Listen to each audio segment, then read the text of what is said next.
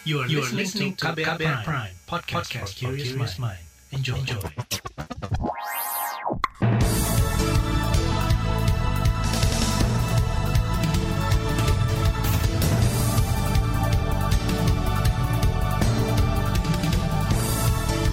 Selamat pagi, saudara. Senang sekali kami bisa menjumpai Anda kembali melalui program Buletin Pagi edisi Rabu 17 Maret 2021. Bersama saya, Naomi Liandra. Sejumlah informasi pilihan telah kami siapkan, di antaranya pemerintah putuskan impor 3 juta ton garam, pemerintah izinkan masyarakat mudik lebaran, MUI keluarkan fatwa vaksinasi tak batalkan puasa. Dan inilah Buletin Pagi selengkapnya. Terbaru di Buletin Pagi. Pemerintah berencana membuka keran impor garam dalam waktu dekat. Menteri Kelautan dan Perikanan KKP, Sakti Wahyu Trenggono mengatakan, impor garam telah diputuskan dalam rapat Kementerian Koordinator Bidang Kemaritiman dan Investasi beberapa waktu lalu. Impor garam sudah diputuskan melalui Menko, di rapat Menko melalui apa namanya neraca. Jadi berdasarkan neraca, nanti kemudian sisanya kekurangannya berapa itu baru diimpor.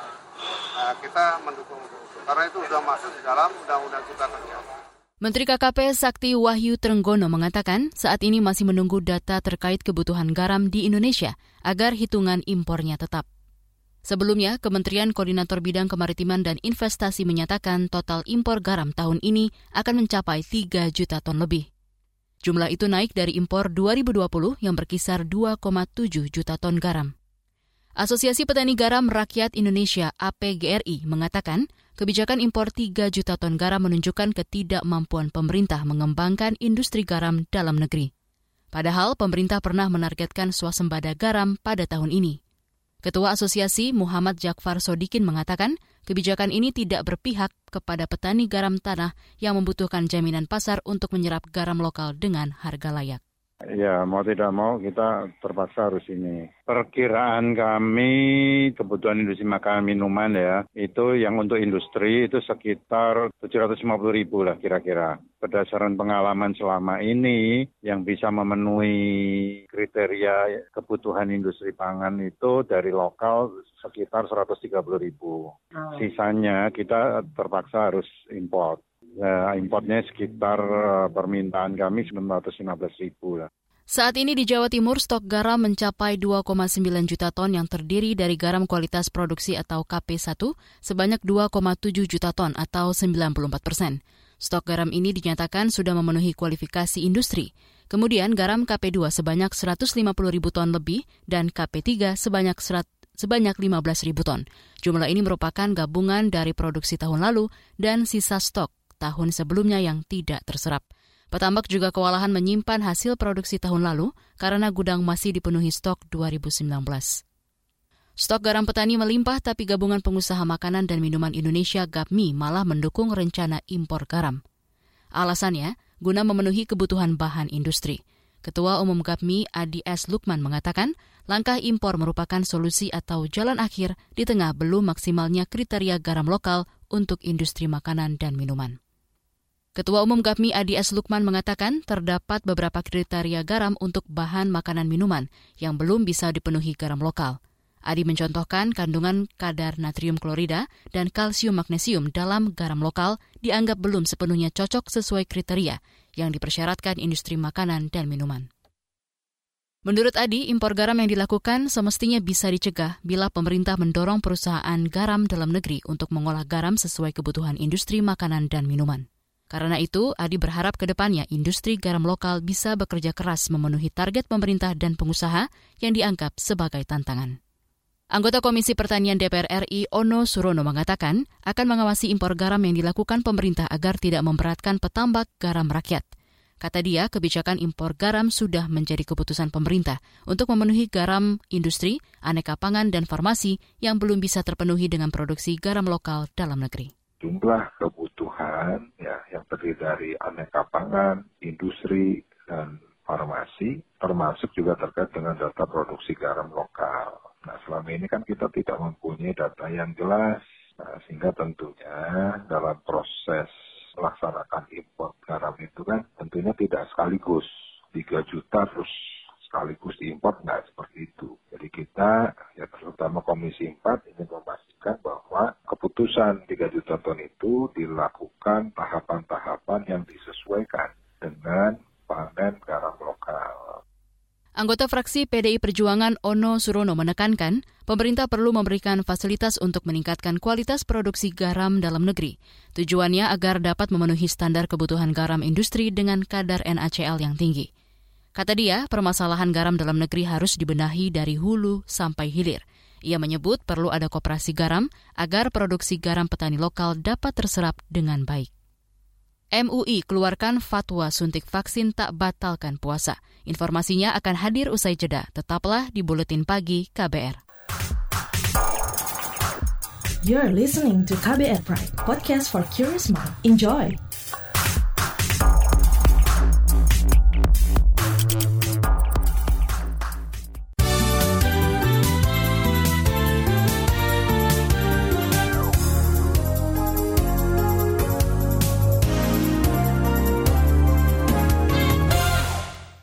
Kementerian Perhubungan Kemenhub mengizinkan masyarakat untuk mudik lebaran tahun ini walaupun pandemi corona belum mereda. Menteri Perhubungan Budi Karya Sumadi dalam rapat kerja bersama Komisi 5 DPR RI kemarin mengatakan, mekanisme protokol kesehatan ketat akan disusun bersama tim Satuan Tugas atau Satgas penanganan COVID-19. Hal utama dapat kami kemukakan terkait dengan mudik 2021 pada prinsipnya pemerintah, pemerintah melalui Kementerian Perhubungan tidak melarang. Kami akan berkoordinasi dengan gugus tugas bahwa mekanisme mudik itu kita atur bersama dengan pengetatan dan melakukan tracing terhadap eh, mereka-mereka yang akan bepergian. Menhub Budi Karya Sumadi mengatakan perayaan Lebaran tahun ini diperkirakan masih dalam suasana pandemi COVID-19. Namun, sejumlah upaya yang telah dilakukan pemerintah dalam menerapkan aturan disiplin protokol kesehatan. Budi juga meminta masyarakat memiliki memiliki masyarakat untuk beradaptasi dan diharapkan mampu menjadi benteng mencegah penularan COVID-19. Komisi Fatwa Majelis Ulama Indonesia MUI menetapkan suntik vaksin saat bulan Ramadan tidak membatalkan puasa. Ketua Bidang Fatwa MUI Asrorun Niam Soleh mengatakan, keputusan itu sudah tertuang dalam Fatwa MUI tentang hukum vaksinasi COVID-19 saat berpuasa.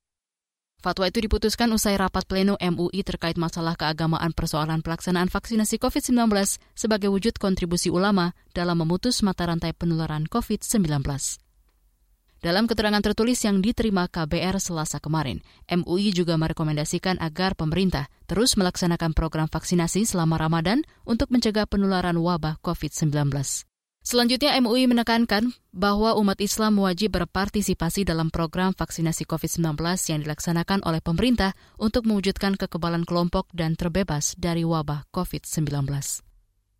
Komisi Pemberantasan Korupsi KPK tengah melakukan penyidikan perkara dugaan korupsi pengadaan barang dalam program tanggap darurat bencana pandemi COVID-19 di Dinas Sosial Kabupaten Bandung Barat tahun 2020. Juru bicara KPK Ali Fikri mengatakan lembaga antirasuah telah selesai melakukan penyelidikan karena telah menemukan alat bukti yang cukup. Ali menjelaskan uraian lengkap dari kasus ini dan pihak-pihak yang ditetapkan sebagai tersangka belum dapat disampaikan kepada publik secara terbuka. Uraian lengkap dari kasus ini dan pihak-pihak yang ditetapkan sebagai tersangka belum dapat kami sampaikan kepada masyarakat secara terbuka.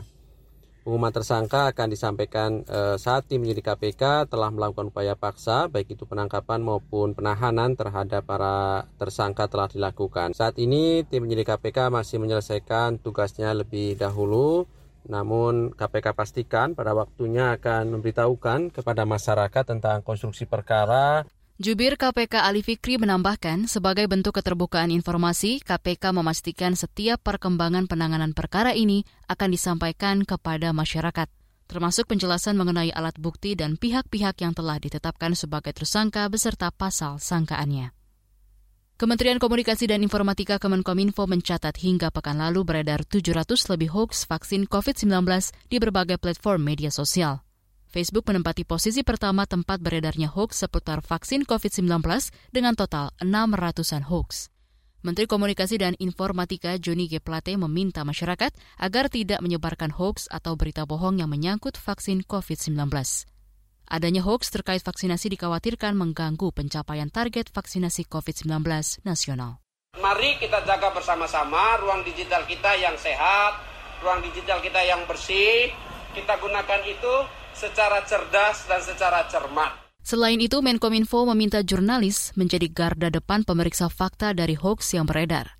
Kata Joni, jurnalis bisa memberikan label hoax dengan kategori misinformasi, disinformasi atau malinformasi setelah melakukan konfirmasi dan verifikasi. Beralih ke informasi ekonomi. Presiden Joko Widodo bakal membuka sektor ekonomi secara bertahap, khususnya pariwisata di Bali. Syaratnya penyebaran COVID-19 harus terkendali.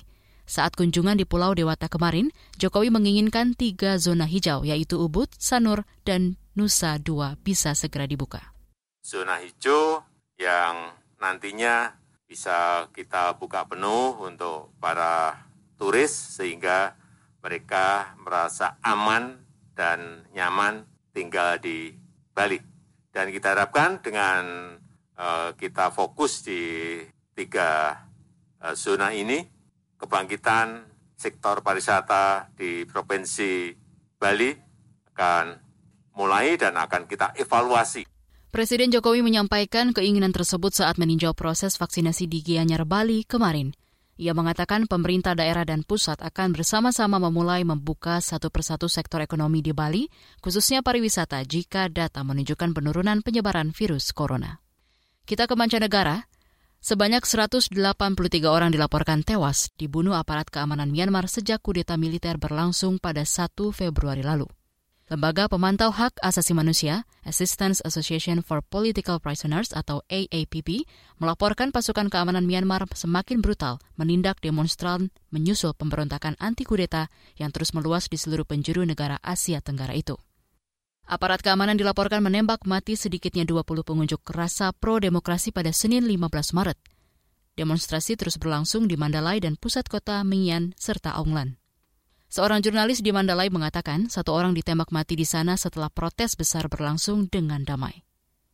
Pendamaian Pemadaman internet juga berlangsung untuk ketiga kali setelah junta militer menetapkan darurat militer di kota Hlang Tahyar, Yangon, dan Swepita pada minggu.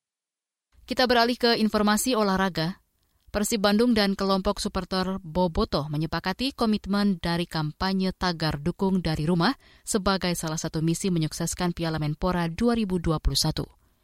Bentuk komitmen tersebut tertuang dalam Fakta Integritas sekaligus peluncuran program Sampurasun Boboto yang digagas PT Persib Bandung Bermartabat atau PT PBB yang ditandatangani kemarin di Geraha Persib.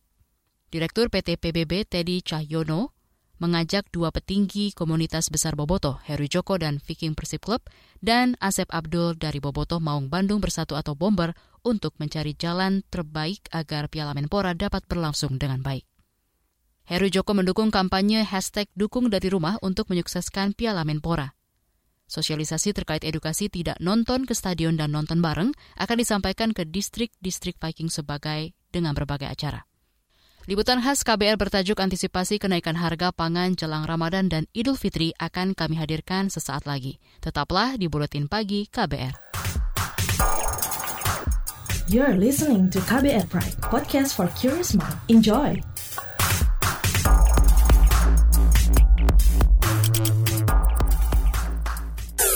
Commercial break. Suatu hari, virus berkumpul dan mulai kebingungan. Duh, bingung. Mau nyari mangsa ke mana lagi ya? Iya nih, semua orang pada pakai masker. Aku ada ide. Kita nongkrong di rumah makan aja gimana? Ngeliatin orang-orang yang lengah nggak pakai masker?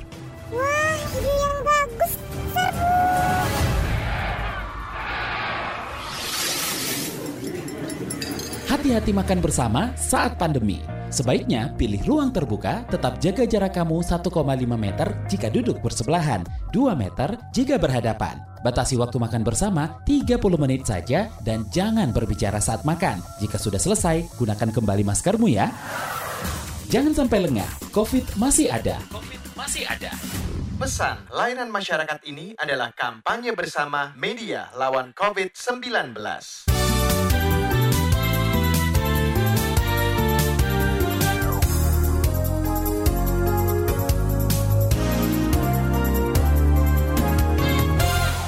Anda masih bersama kami di Buletin Pagi KBR. Jelang Ramadan dan Hari Raya Idul Fitri, pemerintahan mengklaim ketersediaan komoditas pangan aman dan harga akan stabil. Namun kebutuhan tersebut masih dipenuhi dengan kebijakan impor. DPR meminta stabilitas harga bahan pokok jelang Ramadan dan Idul Fitri segera diantisipasi. Sementara kebijakan impor dinilai Asosiasi Pedagang Pasar menunjukkan pemerintah gagal merancang ketahanan pangan di tanah air. Berikut laporan khas KBR yang disusun Heru Haitami. Kementerian Perdagangan mengklaim stok komoditas pangan masih terjaga dan harga di pasar akan stabil jelang Ramadan. Menteri Perdagangan Muhammad Lutfi mengatakan sejumlah komoditas bahkan mulai menunjukkan tren penurunan dalam beberapa hari terakhir saya bisa pastikan bahwa seluruh daripada bahan pokok dan bahan penting untuk kebutuhan nasional, terutama menghadapi puasa Ramadan dan Hari Raya Idul Fitri, bisa terjaga dengan baik. Dan saya pastikan juga bahwa kalau ada kenaikan, kenaikan di sana-sini itu, itu sifatnya sporadik, tetapi kita pastikan bahwa stok ada, stok terjamin, dan kita akan melihat penurunan harga yang baik antara hari ini dan sampai dengan puasa Ramadan pada tanggal 9 April, dan mudah-mudahan harga akan terjaga selama Idul Fitri, puasa Ramadan itu. Jika merujuk pada data sistem pemantauan pasar kebutuhan pokok atau SP 2KP, Lutfi mengakui memang terdapat kenaikan harga secara bulanan pada beberapa komoditas. Sejak Februari 2021, harga beras premium naik 0,31 persen secara bulanan dan minyak goreng curah naik 1,43 persen. Beberapa komoditas lain bahkan mengalami kenaikan lebih dari 5 persen secara bulanan, seperti pada cabai rawit dan bawang merah. Meski begitu, kata dia, mulai terjadi tren penurunan harga pada komoditas tersebut seiring bertambahnya pasokan dari dalam negeri maupun realisasi impor. Terkait stok pangan, Sekretaris Jenderal Kementerian Pertanian Momon Rusmono mengungkapkan untuk mencukupi kebutuhan komoditas dalam negeri jelang Ramadan dan Hari Raya Idul Fitri, Indonesia masih harus melakukan impor untuk beberapa komoditas pangan. Untuk sebagian komoditas seperti kedelai, bawang putih, daging sapi atau kerbau, dan gula pasir, sebagian masih didatangkan melalui impor. Untuk memenuhi kebutuhan sampai akhir Mei, dibutuhkan impor kedelai sebesar 1 juta ton, bawang putih 257 ribu ton, daging sapi atau kerbau 145 ribu ton, dan gula pasir 600 46 ribu ton. Walaupun daging sapi atau kerbau impor, menurut Momon masih belum mencukupi kebutuhan hingga Mei mendatang. Khusus daging sapi, neraca sampai akhir Mei diperkirakan masih defisit sekitar 14 ribu ton. Komisi Bidang Pertanian DPR RI meminta pemerintah memastikan stabilitas harga pangan jelang Ramadan dan Idul Fitri. Ketua komisi yang membidangi pertanian DPR, Sudin, mengaku menerima laporan beberapa komoditas pokok sudah mengalami kenaikan. Menjelang Ramadan dan Idul Fitri, berdasarkan data-data yang dikumpulkan, beberapa harga komoditas pangan berada pada posisi stabil tinggi dan mengalami kenaikan. Sebagai gambaran, harga rata-rata komoditas pangan per tanggal 12 Maret 2021 antara lain harga daging ayam segar, bawang merah ukuran sedang, cabai rawit seharga 95.100, pemerintah harus segera melakukan antisipasi dini potensi kenaikan harga pangan di masyarakat. Kondisi ini dibenarkan Ketua Umum Ikatan Pedagang Pasar Indonesia IKAPI, Abdullah Mansuri.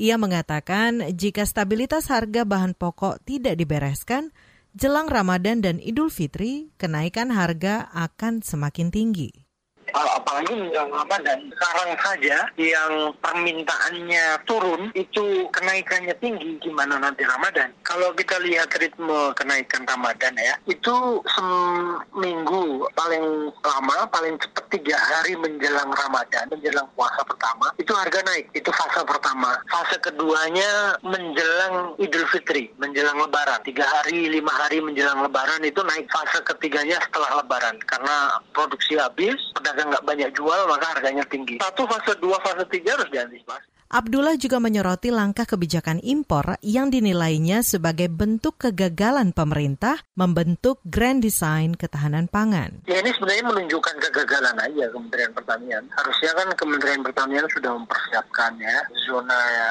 wilayah produksi kita berapa, kebutuhan berapa, asumsi produksi berapa, asumsi permintaan berapa. Maka ini harus jadi pelajaran bahwa Grand Design pangan kita itu harus diperbaiki. Kalaupun panen raya harus ada ada solusi penyerapannya bagaimana. Kalau kita contohkan cabai rawit kemarin itu gagal sih menurut saya.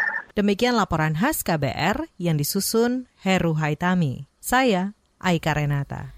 Informasi dari daerah akan kami sajikan usai jeda. Tetaplah di Buletin Pagi KBR. You're listening to KBR Pride, podcast for curious mind. Enjoy!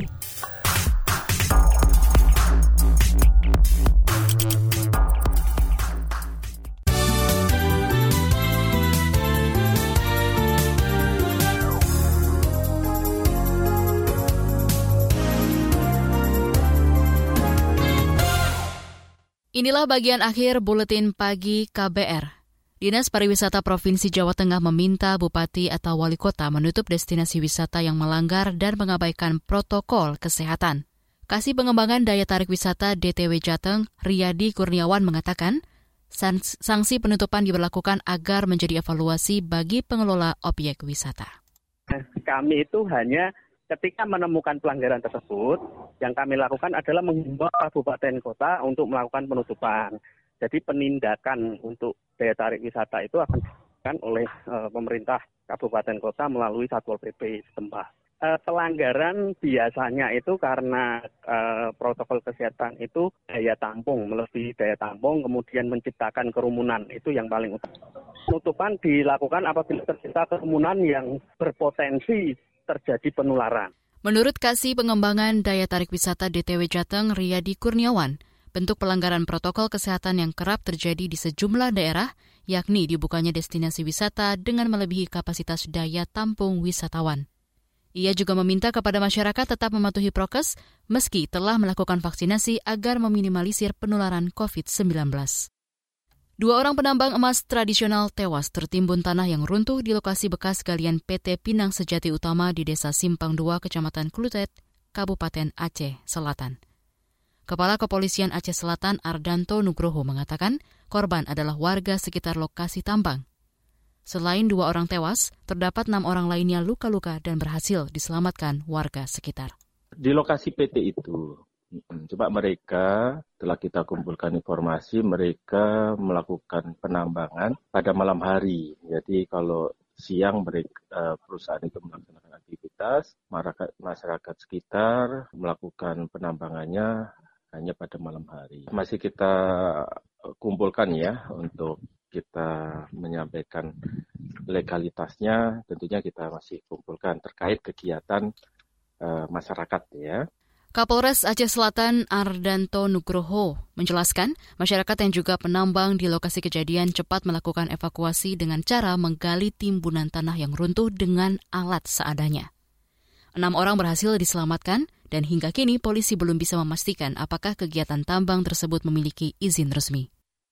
Pemerintah kota atau Pemkot Balikpapan segera menerapkan Standar Nasional Indonesia SNI dalam pengelolaan pasar tradisional. Kepala Dinas Perdagangan Kota Balikpapan, Arzaidi Rahman mengatakan, untuk tahap awal, pasar akan direvitalisasi dan saat ini tengah dibuat Detail Engineering Design atau DED.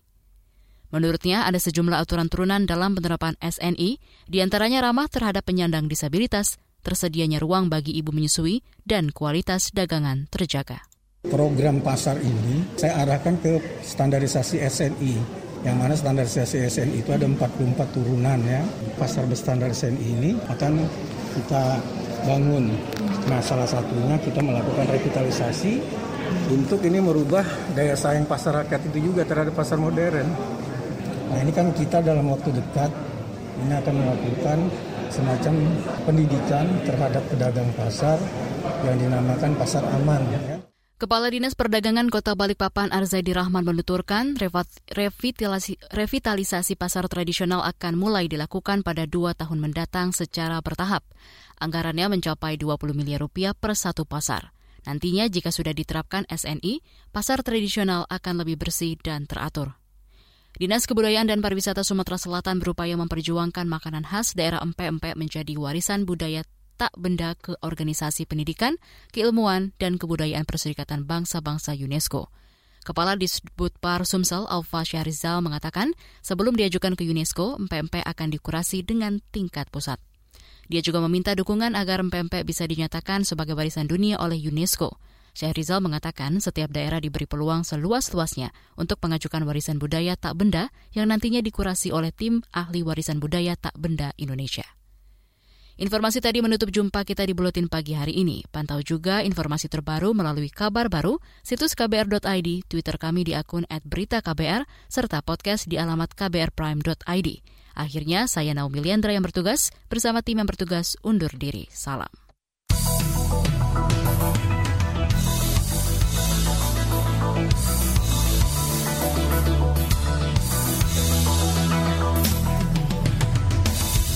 KBR Prime, cara asik mendengar berita.